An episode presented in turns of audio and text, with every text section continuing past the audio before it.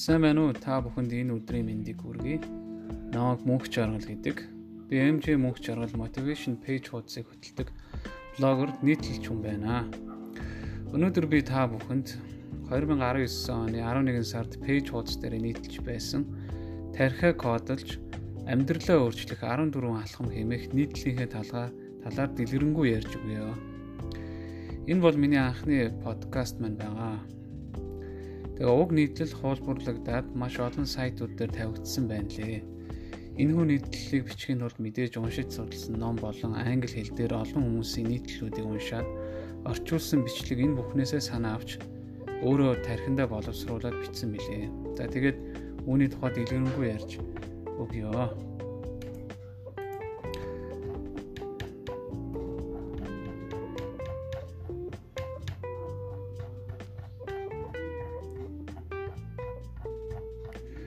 Тархиа кодолж амьдралаа өөрчлөх 14 алхам. Эхний алхам болохоор тархин дахь хуучин програмаа шинжил гэж гарчиг өгсөн байгаа.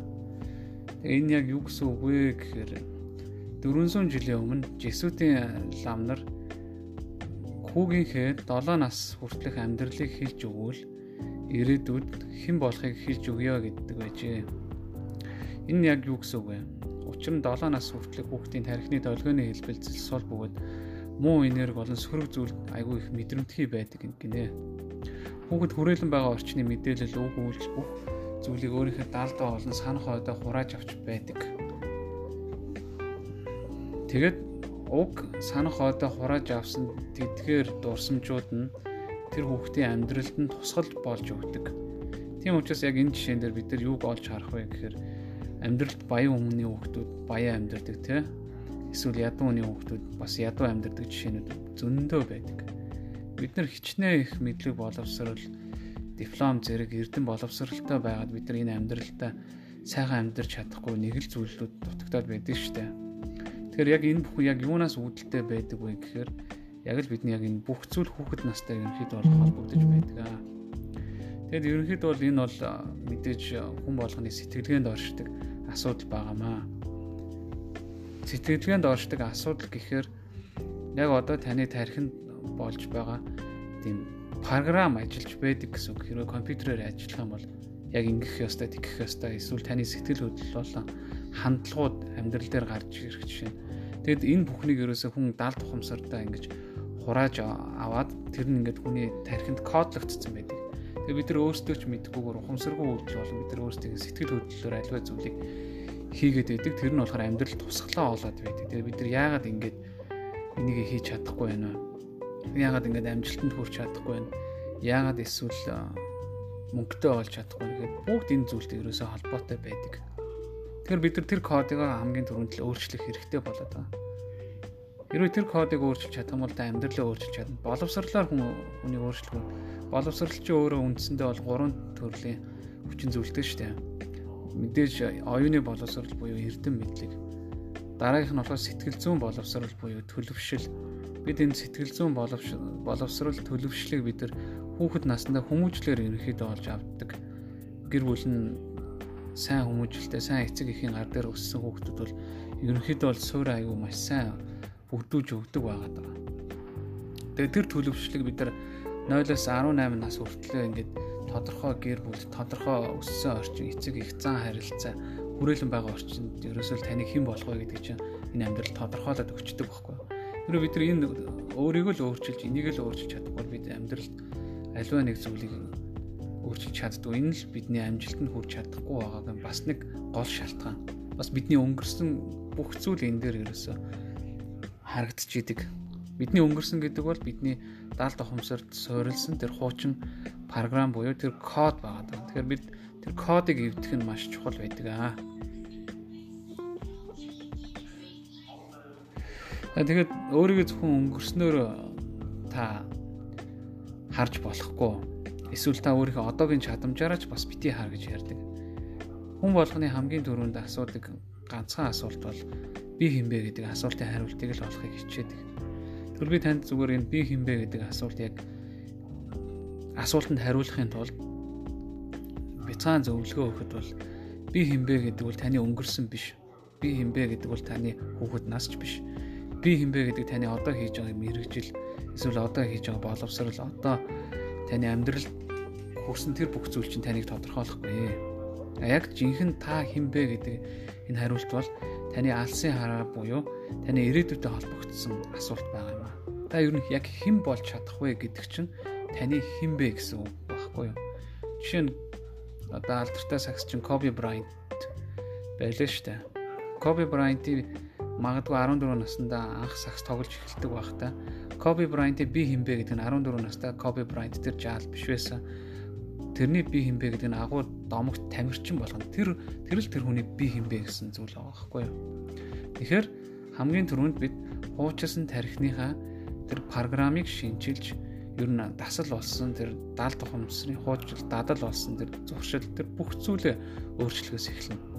Тэгээ мэдээж энэ бүхэн хаанаас эхэлдэг вэ гэдэг нь мэдээж хүний уураг тархинд үүсдэг тэр бодлуудаас бодлуудын давтамжаас эхэлдэг байх нь шүү дээ. Тэгэхээр энийг эвдэх бол ганц арга бол мэдээж давтамжтай үйлдэл хийх, давтамжтай бодох гэж байгаа. Хэрвээ тэр давтамжтай үйлдэл, давтамжтай бодох нь болохоор дадал зуршлаар ерөнхийдөө бий болдог байгаамаа. Хоёрт нь болохоор сөрөг бодол, сөрөг хүмүүс, сөрөг орчноос ангижэр гэж байгаа. Ерөнхийдөө бол судалгаагаар хүний тарих нь өдөрт 60-аас 80 мянган бодол эргэлддэг гэдэг. Бөгөөд энэ нь болохоор цагт дунд дунджаар 2500-аас 3300 бодол ерөөсөө таны тархинд хөвөрч байдаг. А гэхдээ энэ бодлуудын ихэнх нь буюу 60-аас 80% дандаа сөрөг бодол давмгаалж байдаг Та ер нь бодлыг квант физикийн төвшөнд болохоор бодол шилждэг гэж магадгүй сонссон баг. Эсвэл 2009 онд гарч ирсэн нууц номыг ч уншиж исэн байж байхаг үүсэхгүй. Эсвэл тэр нууц гэдэг баримтат канон дээр ер нь энэ талаар хөнхөө зурулсан яриад өнгөрдөн штэ. Тэгвэл таны тархинд байгаа яг одоо яг таныг хэн бэ гэдгийг бол би сайн мэдэхгүй л дээ. Гэтэ бид бүгдээрээ өөрсдөө дотоод ертөнц болон бодол юундээ тодорхой нэгэн сөрөг юм уу готрон өөрийгөө үнэлдэг эсвэл айдас төгшөөрт эсвэл хэтрүүлж боддог. Эсвэл одоо юу гэдэг өөрийнхөө үн цэнийг боддог эсвэл уур хилэнтэй. Маш олон бодлууд ингээ эргэлдэж байдаг. Бидний амьдралд альва амжилт гаргаж чадахгүй эсвэл сайн сайхан амьдарч чадахгүй байгаа зүйл ерөөсөө бид нар бодлынхаа хайрцаг дотор хайрцаглагдсан байдаг. Аа. Тэгэхээр тэр бодлыг ерөөсөө эвдэх хэрэгтэй. Тэгэхээр тэр бодлыг эвдэж өөрчлөхийн тулд бид нар хамгийн түрүүнд орчноо өөрчлөх орчноо өөрчлөх өөрчлөлтөөс эхэл байдаг. Жишээ нь энэ жишээ бол маш олон хүмүүстээр хэлбэг тохиолддог л доо. Ер нь бол гадагшаа давтагшаа яваад юм уу гадаадад амьдарч үзсэн хүмүүстээр болохоор Монгол олон гадны амьдралын хүмүүсийн амьдралын төвшин шал ондоо харагдаж эхэлж байгаамаа. Жишээ нь гадаад явцгаад стресс байхгүй ч юм уу тэгээд их орондоо ирэхээр стресслэж гэдэг юм уу тэгээ эн чинь ерөөсөө л нөгөө хүний ингээ орчин солигдож байдаг байхгүй юу. Гэтэ би таныг хадгашаа яа гэж ерөөсөө зөвлөөгүй. Гэхдээ яг мэдээж хүний амьдрал бол мэдээж аялал зугаалга бол зайлшгүй байх хэвээр зүйл байгаамаа. Тэгэхээр заавал гадагшаа явахгүйгээр бид нар яг хаанаас эхлэх вэ гэдэг нь бид нар өөрсдөө хамгийн түрүүнд хүрээлэл байгаа найз нөхөд болон хамт олон уур амьсгал ажлын байрнаас ерөнхийдөө эхэлж эхэлж болох боломжтой Одоо хэрвээ жишээ нь уулзах тоолондоо хүм уулдаг, хатаархдаг, эсвэл таныг доош нь хийдэг. Эсвэл одоо юу гэдэг тэр хүмүүсийн өдөр тутмын хийдэг үйлдэлүүд нь ерөөсөө таныг ирээдүйн юм уу зоригт чинь хүргэж чадахгүй бол та тэр хүмүүстэй уулзах цаг хугацаагаа ер нь хязгаартай байлгахгүй л бол та эзэж өсөн дивчихгүй.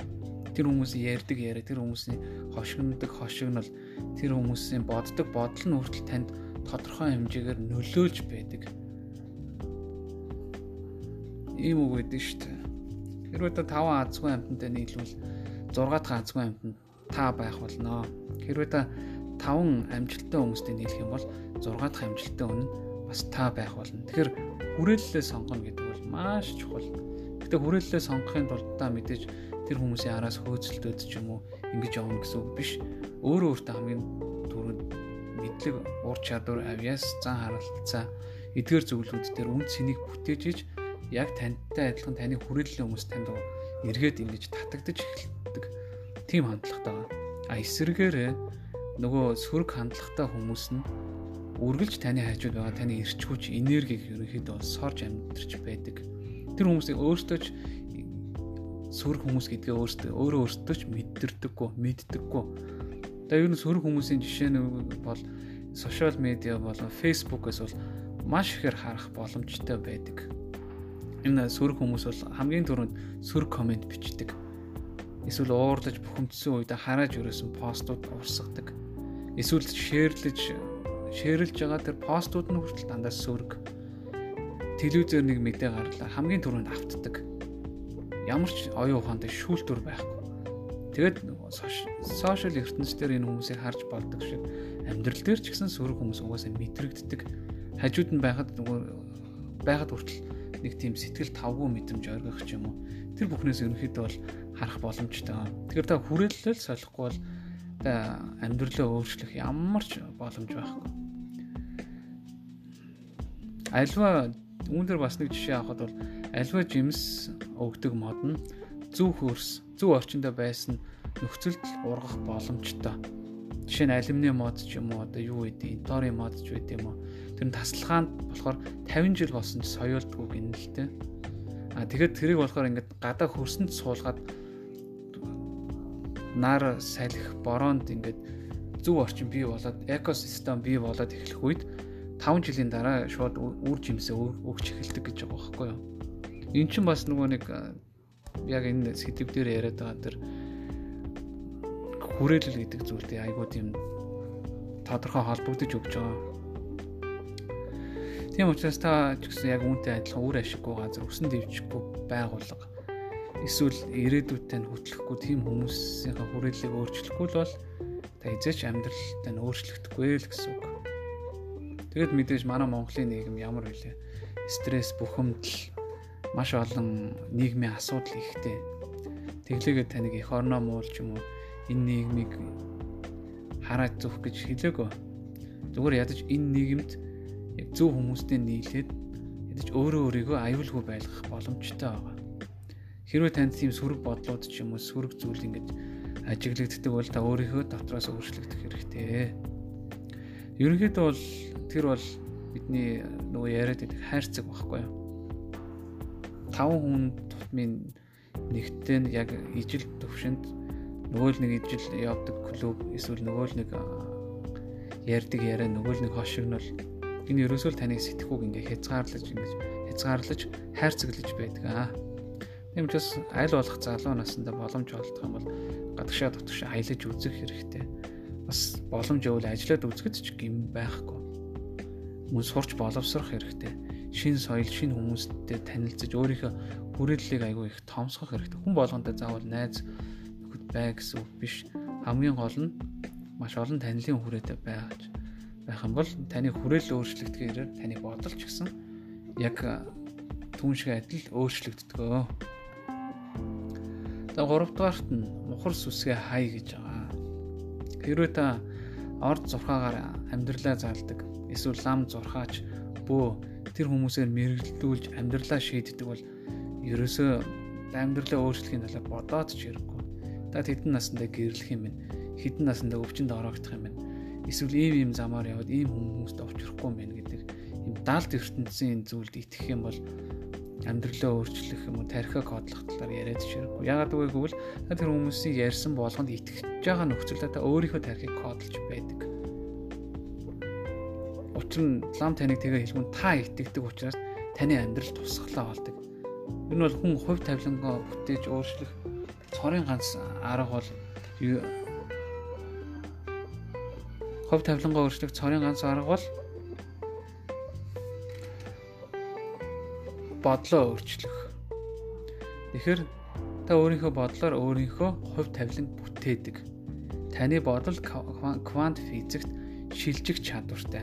Та өөрийнхөө сэтгэлд байгаа тусгсан бүхнийг амьдралдаа авах боломжтой. Бодол гэдэг бол тодорхой орон зайд шилжиж чаддаг энергийн хэлбэлцэл байдаг. Үүнийг шинжлэх ухаанд одоогоор хэмжиж тийм айхтар төвшөнд хэмжиж чадгаар тийм багаж өнөөдрийг хүртэл гарч ирээгүй. А гэхдээ энийг байдаг гэдг нь аль хэдийн батлаад гаргаад ирсэн эрдэмтэд бидний учраас юу боддог вэ гэдэг чинь маш чухал.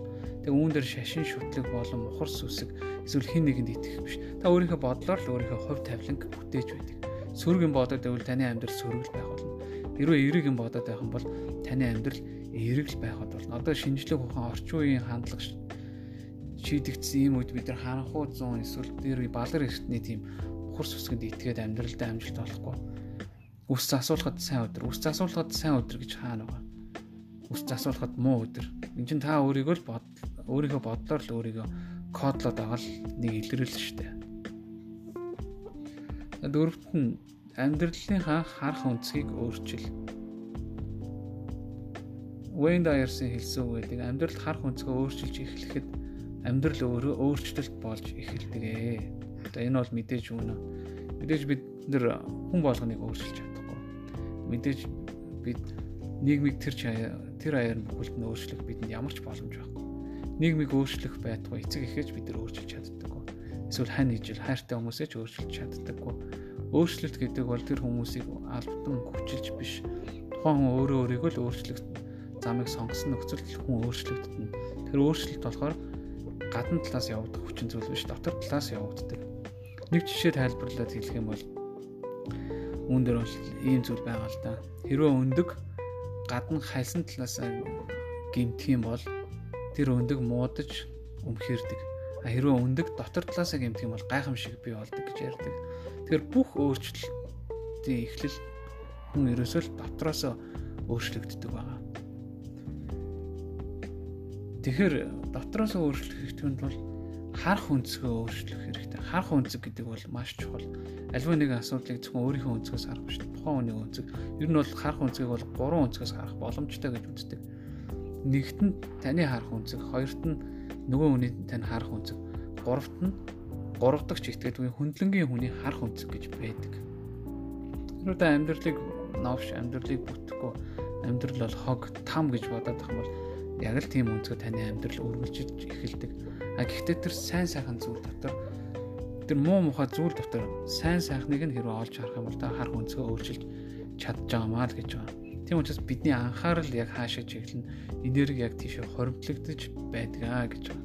Тэгээ бас энэ харах өнцөг гэдэг дээр бас нэг жишээ өгөх юм бол яг Америкийн ментор Роб Дайли жишээг бол авч үзэж болно. Тэр хүний туршилтаар бол яг нэг хөөрхөн видео контент хийсэн л байлээ л дээ. Тэгээ тэрэн дээр болохоор яхаа ингээд хоёр юм цэцгийн савтай үүртэй цэцгийн сав байгаа. Нэг нь болохоор шарилчны үүртэй цэцгийн сав, а нөгөөх нь болохоор сарны цэцгийн үүртэй цэцгийн сав байгаа даа. Тэгээ ингээ ус байгаа даа. А хэрвээ тэр усыг шарилч руу услаад байх юм бол шарилж л ургана. А хэрвээ тэр усыг зөвхөн цэцгийн үр рүү ороход бол цэцэг л дэлбэлнэ. Тэр ус гэдэг бол таны анхаарал. Тэгэхээр Үүний э, тархин дотор сөрөг болон эерэг гэсэн угаасаа хоёр төрлийн бодлууд зэрэгцэн оршиж байдаг. Заримдаа энийг шашинд бол бурхан чөтгөр гэж хүртэл ярьдэн шүү дээ. Чонимын шүлгэн дээр өвдөглөө бурхан чөтгөр хүртэл хүний сэтгэлд оршдог гэж ярьдаг. Тэгэхээр тэрийг яаж сонгох уу гэдэг таны анхаарлаас ерөнхийдөө бол хамаарч байгаа юм. Тэгэхээр тэр усыг шарилжин дээр асгаад уцлаад байвал шарилж л ургана. А хэрвээ тэрийг цэцгийн үүртэй савн дээр хасгаад байвал цэцгэлд илбэлэх байхгүй. Тэгэхээр та амьдралын хар бараан зүйл дээр анхаарлаа хандуулаад байвал амьдрал тэр чигээр л хар бараан байна. Хэрвээ өөлөх зүйл, нээнтэглэх зүйл тэр зүйлийг л олж хараад байвал амьдрал угаасаа л бүтлгүй. А хэрвээ тэндээс сайн сайхан зүйл боломжийг олж харах юм бол тэр хэвээрээ ингээд боломж өөрчлөгдөж эхэлдэг. Энэ ерөөсөө л нөгөө нэг харах өнцгөө өөрчлөх гэж. Таны харах өнцөг бол таны анхаарал. Та анхаарлаа яг хаашаа чиглүүлж чадна. Тэр зүг рүүгээ амьдралд хүссэн болгоно татаж авах боломжтой байдаг. Тавт нь болохоор 5 мэдрэхүү 2 суугаа зөв ашигла гэж байгаа. Энийг бол би ерөнхийдөө бол Miles Monroe гэдэг алдартай менторын маш олон лекцүүдийг сонсоод бас номноос нь уншаад энэ юу ерөнхийдөө бол бичиж авсан л та. Тэгээ ер нь эртний грекчүүд бол хүнийг сомо буюу буюу бие махбод психе буюу амин сүнснээс бүрддэг гэж үздэг байжээ. Тэгээ магадгүй энэ сүнс буугч өдрийн талаар ерөөсөө ямар ч энэ бол яриа биш. Хүн бие махбод болон сүнс гэдэг хоёр зүйлээс бүрддэг ээ гэж. Гэтэ таны сүнсэнд итгэдэг вэ, итгэдэггүй ч явах таамаагүй. Та өөрийнхөө бие махбод дотор өөрийнхөө ухамсар буюу сүнсийг агуулж идэг. Таны ухамсар гэдэг чинь өөрөө сүнс шүү дээ. Таны оюун ухаан хаана бүрэлдэж явагдаж байгаа тэр чинь бас сүнс гэсэн ойлголттой маш чухал ойлгож байгаа. Тэгэхээр хүний амин сүнс буюу англиар soul гэж ярьдаг. Тэгвэл тэр soul гэж ярьдаг зүйл нь дараах гурван зүйлээс бүтэж байгаа. Эхнийх нь mind буюу таны оюун ухаан. Хоёр дахь нь will буюу таны хүсэл тэмүүлэл. Гуравт нь emotion буюу таны сэтгэл хөдлөл. Тэгэхээр mind, will, emotion буюу оюун ухаан, хүсэл тэмүүлэл, сэтгэл хөдлөл гэдэг зүйл таны амин сүнсийг ерөнхийдөө бүрдүүлж байгаа тэр хүчин зүйлсүүд байх нэ. Тэгэхээр бид бүгдээрээ харах, сонсох, үнэрлэх, амтлах, хүртэх гэсэн ерөнхийдөө 5 м хүтэй байдаг. Тэгээд тэдгээр 5 м хүлийн хүнд 2 сувг байдаг. Тэдгээр мэдээж харах мэдрэхүү мэдээлэл авдаг сонсгол байгаа юм. Тэгэхээр та тэр сувгаа яг юун дээр тохируулж тэр сувгаараа яг юуг хүлээж авах вэ гэдэг чинь таны даал тухам таны зан характер болон оюун ухааны чинь бодлуудыг бүрэлдүүлж байдаг. Ерөнхийдөө бол бидний бодлын үр дүн бол зар сурталчилгаа, маркетинг, телевизээр яг юу үзэж байгаа, амьдралд яг юуг тусгаж авч байгаа үр дүнд бидний бодол хөвөрч хоримтлагдчих байдаг. Тэгээд тэр тухайн хоримтлагдсан бодлоо бидний тархинд кодлогдож эхлээд таны зан чанарыг бүрэлдүүлж эхэлдэг. Тэгээд тэр зан чанартай холбогдсон альва тэр сэтгэл хөдлөл бас гарч ирдэг. Сэтгэл хөдлөл болохоор таны мөн чанарыг тодорхойлдог тодорхойлдог гэхүүдээ одоо.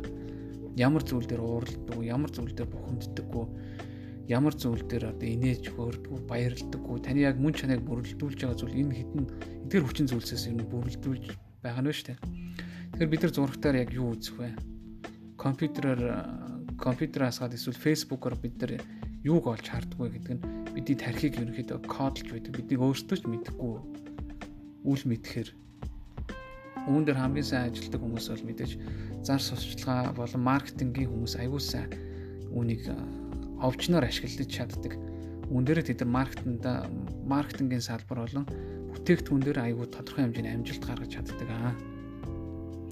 Тэгэхээр таны санах хоо гэдэг бол мэдээж компьютерийн хард диск шиг автоматар одоо тэр таны 5 м болон 2 сувгаар авч байгаа тэр мэдээллүүдийг ингээ хүлээж авч таны даалт ухамсарын ухамсарт орших санах хойд ингээ хадгалж байдаг. Тэгээд тэр хадгалагдсан зүйлс таны бодлыг бүрдүүлж таны уурах тарих бол оюун ухаанд бодол үйлдвэрлэж эхэлдэг. Бид нар юу үзэж харж юу сонсож мэддгээ бас сонгож байхгүй бол эргээд энэ бидний амьдрал тусглаа болж бидний амьдралыг бас амьдралд бас нөлөөлөх чадaltaй байдаг байхгүй юу. Тэгэхээр зурагт хэвлэл мэдээлэл сонин сэтгүүл радио юу гэдэг тэр бүх зүйл таны тархийг угааж байдаг аа. Бид нар тарих угаалт гэхээр зөвхөн ультра буюу МК эсвэл одоо ховс гэж ойлгоод байдаг. Гэхдээ тарих угаалт бол бидний амьдралд өдөр тутамдаа л тохиолдож байдаг. Та эрг зүйлийг сонссоо түүндээ итгэж үнэмшүүл тэр бас тарих угаалт. Та сөрөг зүйлсийг сонссоо түүндээ итгэж өвл тэрч бас тарих угаалт бидний хамгийн их одоо нөлөөлөд байгаа сэтгэл зүйд хамгийн их нөлөөлөд байгаа бол мэдээж Facebook, Twitter, Instagram, сошиал ертөнцийн байгаа тэр зүйлүүд байгаа байхгүй юу. Бидний худалдаа авах зан чанарт хүртэл тэр сошиал ертөнцид нөлөөлдөг зан авир, хэв маяг, хандлага маш их нөлөөлдөг учраас бидний мөн чанарыг бас бүрдүүлээд байгаа маа.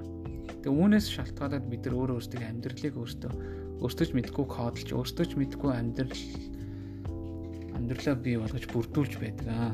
Тэгэхээр танд энэ бүхнийг э, юу яах үнэн худлын үнэн худлыг нь мэдэх шүүлтүр хэрэгтэй болж байгаамаа. Тийм учраас та маш их унших хэрэгтэй, маш их судлах хэрэгтэй, юмыг олон талаас нь хардаг байх хэрэгтэй, өөрийгөө өдөр тутам боловсруулдаг байх хэрэгтэй. Зөвхөн энэ фэйсбүүкээр өөрийнхөө тархийг угаалгаад байх биш. Дээрүүд бол зурагт радио зурагтыг айгүй их ашигладаг байсан. Тарих угаалт болон пропаганда 1939-с илүү 40 оны хооронд пропаганда буюу тарих угаалт олон нийтээр хүмүүсийн тархийг угаах аргыг бол Гитлер өөрөө маш их сайн хэрэгжүүлдэг байсан. Одоо үед болохоор энэ сошиал медиас хөлсний бичил, троллийн хайр ингээд энэ зүйлээр аюул их тийм хүмүүсийн ингээд олон нийтийн санаа бодлыг ингэж өөрчилж чадах боломжтой болсон. Тэгэхээр тэр бүхнээс ангид байлгахын тулд та өөрийнхөө мэдээллийн сувг өөрийнхөө үзэж хардаг тэр бүхнээ зөв хэмжүүрээр сонголтоо их нь маш чухал байна. Тэгэхээр та амьдралдаа сайн сайхныг үргэж сайн сайхныг хүртхийг хүсээд амьдралаа хэрэг өөрчлөхийг хүсээд байвал та өөрийнхөө мэдээллийн сувгийг өөрчлөх хэрэгтэй. Facebook явал урам зориг өгөх илтгэл сонсдог байх хэрэгтэй. Подкаст подкаст бас сонсдог байх хэрэгтэй. Эсвэл гоё инедмийн кино үздэг, ном уншдаг байх хэрэгтэй. Хүн амтнаас очиод лекцтэй сонссон ч гэсэн эрэг тийм бүхнийг л хүлээж авдаг байх хэрэгтэй. Эсвэл элдв сенсац юм тэр бүхнийг хэрвээ амьдралд олж хараад байвал таны амьдрал хизээч сайн сайхан тал руугаа өөрчлөгдөж чадахгүй. Тэгэд мэдээллийн хоёр сувгаараа зөв мэдээлэл өөрт хэрэгтэй, өөрийн өөрийн тань өсөлт хөрөх хөгжилтөнд хэрэгтэй тэр зүйлийг аваад байх юм бол 5 жилийн дараа гэхэд таны амьдрал явандаа өөрчлөгдөж эхэлдэг. Би бол мэдээж амьдралдаа Европт байсан, Солонгос ингээ гадаад бас бус улс оронд байсан болохоор тэгэл аливаа өөр улс оронд очихын хэрээр тухайн улс орны соёл иргэншил тэр бүхнийг сурч мэдээд тэр нь одоо эргээд миний үзэл бодол болон хандлага нөлөөлж эхэлдэг байсан. За тэгээд доолоотхон тасралтгүй суралц зогсолтгүй мөрөөд гэж байгаа. Хүн насан туршдаа суралцаж бүх хүртлээр ямар нэгэн зүйлийг үргэлж мөрөөдсөөр байдаг. Мэдлэгтэй, мэдээлэлтэй маш их зүйлийг уншсан хүний төсөөлөл нь аюу сайн ажиллаж байдаг Альберт Эйнштейн хэлэхдээ А цэгээс Б цэг мэдлэг таныг А цэгээс Б цэг хүртэл хүргэдэг бол төсөөлөл таныг хаа хамааг хаашаа ч хамаагүй хүссэн газар чинь хүргэдэг гэж байна. Тэгэд хүний бие хамгийн их энерги зарцуулдаг эргэтэн бол тарих өөрийнхөө биеинд 20% 20% энергийг зарцуулдаг гэж байна. Тэгэхээр хүсэл тэмүүлэлтэй мөрөөдөл мөрөөдөлтгийн хүмүүс энэ амьдралд хүссэн бүхэндээ хүрэх магадлал айгүй өндөр байдаг гэж байна. Тэгэхээр үүнд бас дан ганц мэдлэг бас чухал биш байх нь шүү дээ. Бидэрт айгүй их төсөөлөл хэрэгтэй болох нь. Хоосон мөрөөдөгч эсвэл өдрийн цагаар сэрүүн зүудлэгч гэж зарим хүмүүс ярьдаг. Нүдэн нээлттэй байгаа мөртлөө ингээд өөрийнхөө ирээдүйн талаар ингээд асар том мөрөөдөлтөй тэрийг ингээд төсөөлж боддог хүмүүс. А хэрвээ дандаа сөрөг мэдээлэл сөрөг зүйлийг хараад ерөөсөө юу ч уншиж судлахгүй. Одоо дээр үед бол ном бол ертөнцийг харах цонх гэдэг байсан шүү дээ. Одоо орчин үед ертөнцийг харах цонх бол мэдээж бүх мэдээ мэдлэг мэдээллүүд үнгүй байгаа. Интернет ертөнц гэдэг open source биш шүү дээ. Тэр даа интернет ертөнцөөр яг өөрт яг ямар асуудал тулгараад байгаа. Тэр асуудлуудыг шийдвэрлэхийн тулд өөрт хэрэгтэй зүйлийг сурч мэдэх хэрэгтэй. Та тархиа хэрэггүй хогоор дүүргээд байвал таны амьдрал тэр чигээрэл утгагүй хогоор л дүүрнэ.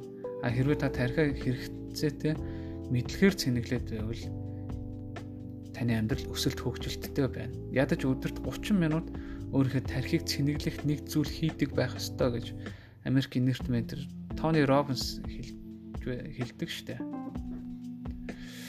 Ерөнхийдөө бол хоосон толгойтой хүний бодолд уур хилэн уур хорсол ер нь нийгмийн сөрөг бүхэн илүү их гарч ирдэг гэдэг.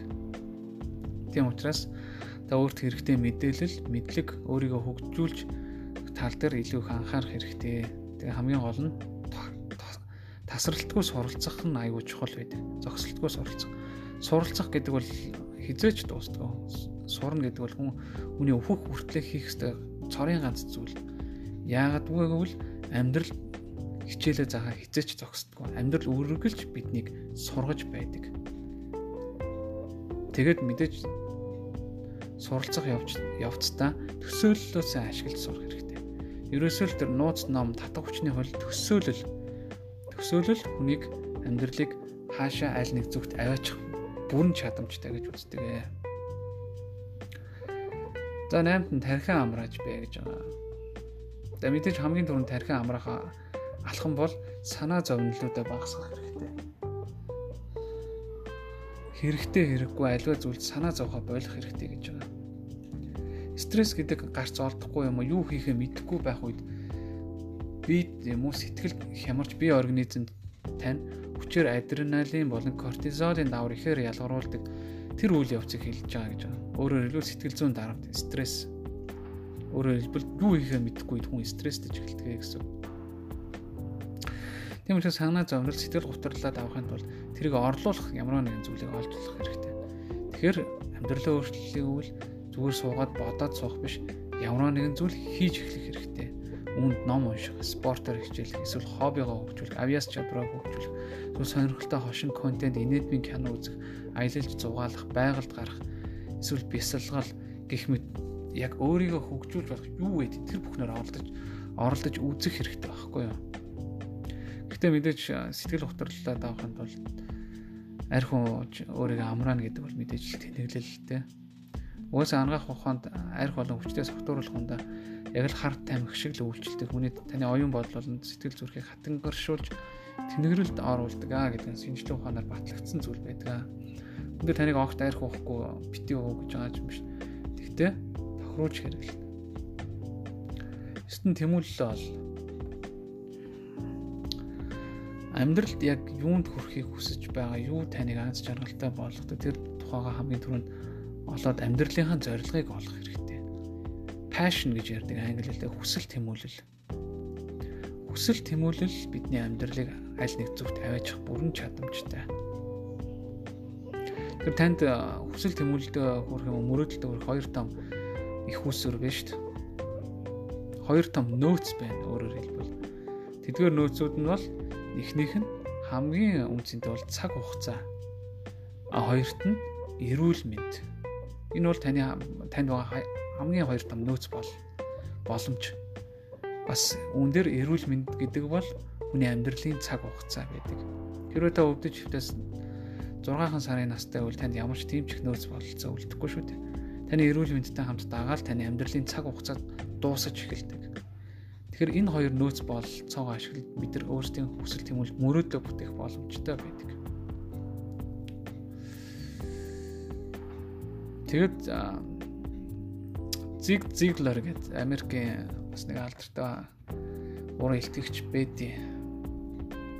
Хүн ер нь амьдралдаа эдгээр таван төвшнгөөр дайрч өнгөрдөг гинэ. Ерөнхийдөө бол эхнийх нь буюу survival амьдралыг сөрөх гэж байгаа. Survival буюу өөрөөр хэлбэл ам зуух гэж нэрлэж болно.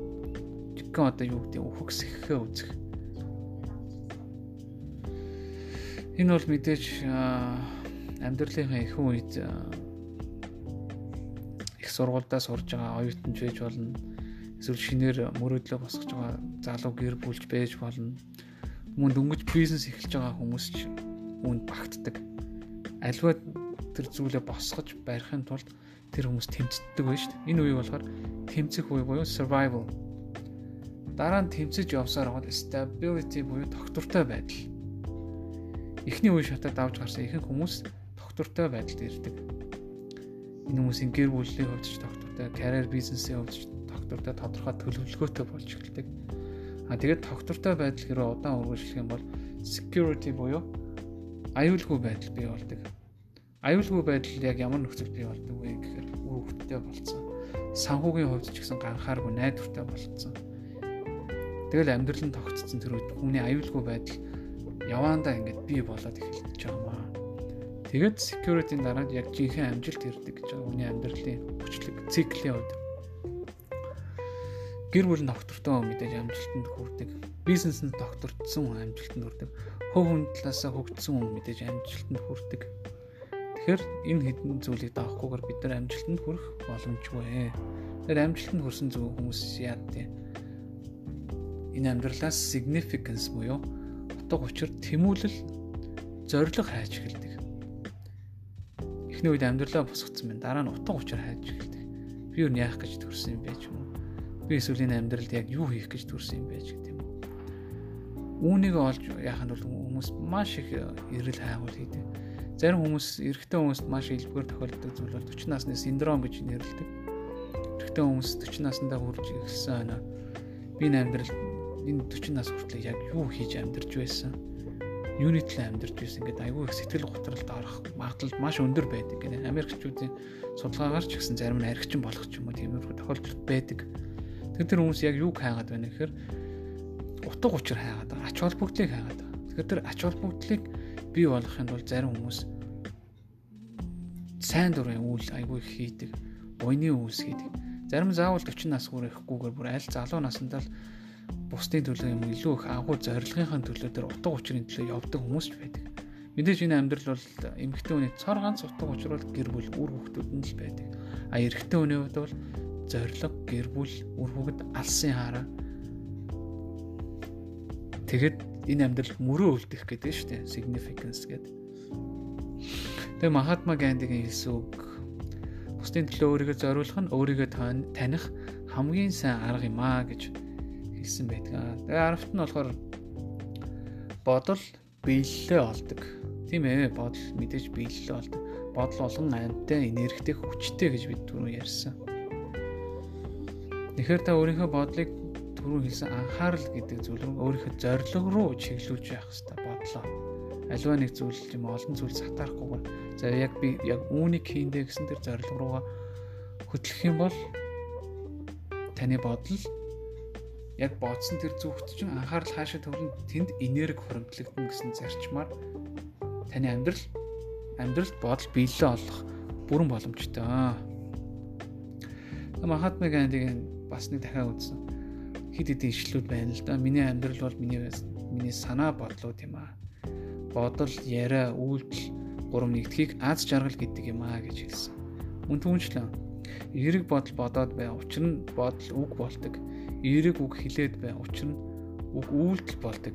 Эерэг үйлдэл үйлдээд бай. Учир нь үйлдэл дадал зуршил болдгоо гэж байна. Эерэг дадал зуршил эзэмшээд бай. Учир нь дадал зуршил өөрийн үн цэнийг бий болгодог. Харин өөрийн үн цэн хүний өөрийн хувь заяаг тодорхойлно гэж хэлсэн байдаг. Тэгэхээр юу бодож байгаагаа маш сайн анхаарах хэрэгтэй. Даалт ухамсараа 11-т нь даалт ухамсараа сэргээ. Сэрээ хүнд ерөнхийдөө бол сайн эсвэл муу дурсамж байдаггүй гинэ. Харин оронд нь бэлтгэгдсэн дурсамж болон бэлтгэгдээгүй дурсамж байдаг гэж байгаа. Хүний оюун ухааныг ерөнхийдөө ангилж үзэх юм бол гурван төвшөнтэй байдаг гэж үздэг. Preconscious mind буюу урьдчилсан бодол, conscious mind буюу гадаад ухамсар, бас subconscious mind буюу далд ухамсар гэдэг гурван зүйлсээс бүрддэг ээ гэж сэтгэл судлаач Sigmund Freud хэлжээ. Тодорхойлсон. Preconscious mind буюу урьдчилсан бодол бүх мэдлэг мэдээд бүгдийг ухаан бодолд оруулж ирдэг. Нэг өсөндөө таны фильтр буюу шүүлтүр гэсэн үг. Conscious mind буюу гадаад ухамсар. Энэ бол таны бодол, ерөөсөө л ухамсар. Таны юу бодож байгаа мэдрэмж, төсөөлөл, хүсэл, сонирхол мөн тухайн цагт өгөгдөх бодлууд багтдаг юм аа. Бид сэтгэж бодож ярихдаа энэ ухамсараа ашигладаг бид хүмүүсийн талаар дүгнэлт хийхдээ энэ ухамсараа бас ашигла ашиглаад тэгээд тухайн бодсон бодлоо өөрсдийнхөө дурсамжиндаа хадгалж байдаг. Тэгээд эцэст нь болохоор бидний амьдралыг тэр чигт нь тодорхойлдог зүйл болохоор subconscious mind буюу далд ухамсар. Тэгэхээр бол эдгээр олон зүйлсээс бол зарим номон дээр бол ерөнхийдөө бол боддог тарихч гэж нэрлэдэг, мэдэрдэг тарих гэж нэрлэдэг байгаа. Боддог тарих бол хүний ухамсар, мэдэрдэг мэдэрдэг тарих бол хүний даалд ухамсараа гэж. Таны амьдралыг хамгийн ихээр хөтлөж дагуулдаг зүйл бол таны даалд ухамсар. Ягдгүйг бол таны даалд ухамсар, таны зан харагт, зан характер, таны итгэл үнэмшил, мөн сэтгэл хөдлөлтөд зайлшгүй холбогдолтой байгаад байгаа. Тийм учраас тухайн хүнийг сайн таныг бол арх болгоод үзээ гэдэг үг нь ч бас аргу хоосон зүйл биш. Яг тэгвэл тухайн хүн ухамсар нь мансуурсан тохиолдолд шууд автоматар буюу даалт ухамсар нь ажиллаж эхэлж идэг. Энэ бол ерөнхийдөө бол таны оюун ухааны ундраг буюу hard disk санах оюун. Бид өөрсдөө амьдралынхаа туршид хоригдлуулсан туршлага, хүсэл эрмэлзэл, хүүхэд насны мөрөөдөл, өвлөж авсан генийн санахоо бүх зүйл тэр хүний даалт ухамсарт хадгалаастай байдаг. Энд таны жинхэнэ потенциал нуугдаж байдгаа гэж зарим хүмүүс хэлдэг даалт ухамсараа нээж потенциалаар ажиллахыг хүсэж байвал ажиллахыг хүсэж байвал зуршлын хүчээр үүнийг даван туулах боломжтой. Шин зуршлыг бий болгоно. Мөн түүнчлэн хэрвээ та амьдрал потенциалаа нээхийг хүсэж байвал түүнийг нээх ганцхан төлхөөр нь итгэл, өөртөө итгэх байдал. Хэрвээ та өөртөө итгэлгүй бол тийм амьдрал юу ч та хийж чадахгүй. За 12-т нь төсөөллөө ашигла. Түрүүнд урдсан дахиад энэ ишлэгийг хэлье. Альберт Эйнштейний хэлдгээр төсөөлөл гэдэг мэдлэгээс илүү чухал. Хүний мэдлэг хязгаарлагдмал бол харин хүний төсөөлөл дэлхийн ертөнцийг хамарч хөгжил дэвшилт хөтөлж шинийг санаачлах бүрэн чадвартай байдаг гэдэг. Өөрөө Альберт Эйнштейн өөрөө харьцангуй онолыг бүтээхдээ өөрийнхөө төсөөлөл дотор тэрийг загварчилж бүтээсэн гэж ярьж идэг. Одоо өдөрт ядаж 5 минут төсөөллөө ашиглахад л ерөнхийдөө хангалттай гэж үздэг. За энэ төсөөллийн дасгалууд дээр бол маш олон багш болон бяцлаглалын багш нар бяцлал хийхийг санал болгодог. Мөн шашны багш нар залбирал үйлдэхийг санал болгодог, залбирлаж залбирч сүсгэлж байхдаа хүн итгэлээрээ өөрийнхөө амьдралын сайн сайхан зүйлийг төсөөлж явах хэрэгтэй гэдэг. Мэдээж манай монголчуудын хамгийн нийтлэг боломжлол бол ээжүүд сүү өргөдөг. Сүү өргөхдөө сүсгэлж шивндэг. А тэгж шивнэх явцдаа төсөөлөл ашигладаг. Тэгэхээр төсөөлөл хүний амьдралыг бас чиглүүлдэг гол хүчин зүйл. Тийм учраас мөрөөдөгч байна гэдэг ямар ч муу муха зүйл байхгүй. Хүн аль болгол маш сайн сайхан зүйлийг мөрөөддөг байх хэрэгтэй. Яг л хүүхд чиг мөрөөдөгч байх хэрэгтэй. Бид нар дэндүү логик логик сэтгэлгээ бол энэ амьдралын хар бараан болон ер нь бүх зүйлийг боломжгүй гэж харсан сөрөг сэтгэхүйнд бол бидний төсөөлөл ерөнхийдөө хязгаарлагдаж байдаг. За 13. Альва юмыг олон талаас нь харж сураа. Тэгээд түрүү хэлсэн эхний бодол нь таны бодол, хоёр дахь нь харилцагчтай, гурав дахь нь хөндлөнгийн үний талаас нь бодож сурхаа. Та бүх зүйлийг мэддэггүй. Та бүх зүйлийг мэддэг юм шиг ажилтдаг. Бүх зүйл таны бас зүв байдаггүй. За тэгэл эцэст нь өөрөө өөртөө итэг. Та өөрөө өөртөө л итгэж, өөрөө өөртөө амьдралдаа шийдвэр гаргаж, өөрийнхөө амьдрал хариуцлагатай байж би амьдралаа өөрчилж чадна гэж итгэж чадах юм бол таны амьдрал өөрчлөгдөх бүрэн боломжтой. Таны амьдрал хинээс ч хамаарахгүй, таны хувь тавилан өөр хүмүүсээс ч хамаарахгүй, зөвхөн цорын ганц бурхнаас хүртэл биш. Зөвхөн танаас л хамаарна гэж хэрвээ та итгэж чадах юм бол таны амьдралд өөрчлөлт хийж өөрчлөлт гарч ирнэ. Таны оюун ухаан мэдээж яг л супер компьютер шиг ажилдаг Тэгээ таны өөртөө итгэж өөрийгөө зоригжуулж хэлдэг үгс бүрчин яг л шинэ програм таны суулгаж оюун ухаанд чинь ачааллаж эхэлдэг. Та ямар нэгэн сургалт семинар, лекцэнд сонсоод та урам зоригтой болж эхэлдэг. Эн чинь бас л дахиад софтверийн програмууд суулгаж байгаа. Та ямар ч ялгаа байхгүй. Тэгээд таны сэтгэл зүрх дүүрч эхэлдэг, та аз жаргалтай болж эхэлдэг. Та эсвэл ямар нэгэн ном ч юм уу сайн гайхалтай түүх сонсохоор танд урам зориг орж эхэлдэг Миний ерөнхийдөө бол амьдралаа өөрчилсөн зүйлүүд бол ерөнхийдөө энэ зүйлд л багтж байгаа. Бернард Шоу хэлэхдээ бодлоо өөрчилж чадахгүй хүн амьдралдаа юу ч өөрчилж чаддаггүй. Бас мөн түншлэн Бернард Шоу хүн энэ амьдрал зөвхөн өөрийгөө олох гэж ирээгүй, өөрийгөө бүтээх гэж төрсөн юм аа гэж хэлсэн. Тэгэд энэ амьдралын хамгийн том төсөл бол таны өөрөө өөрийгөө өөрийгөө өөрчлөх болон өөрийгөө илүү өөрийнхөө хамгийн шилдэг хувилбар болгох Тэр төсөл бол энэ амьдралын таны хамгийн том төсөл юм аа. Эцэст нь бодлоо өөрчилж өөрийгөө олоод амьдралаа шинээр бүтээ танд амжилт хүсье.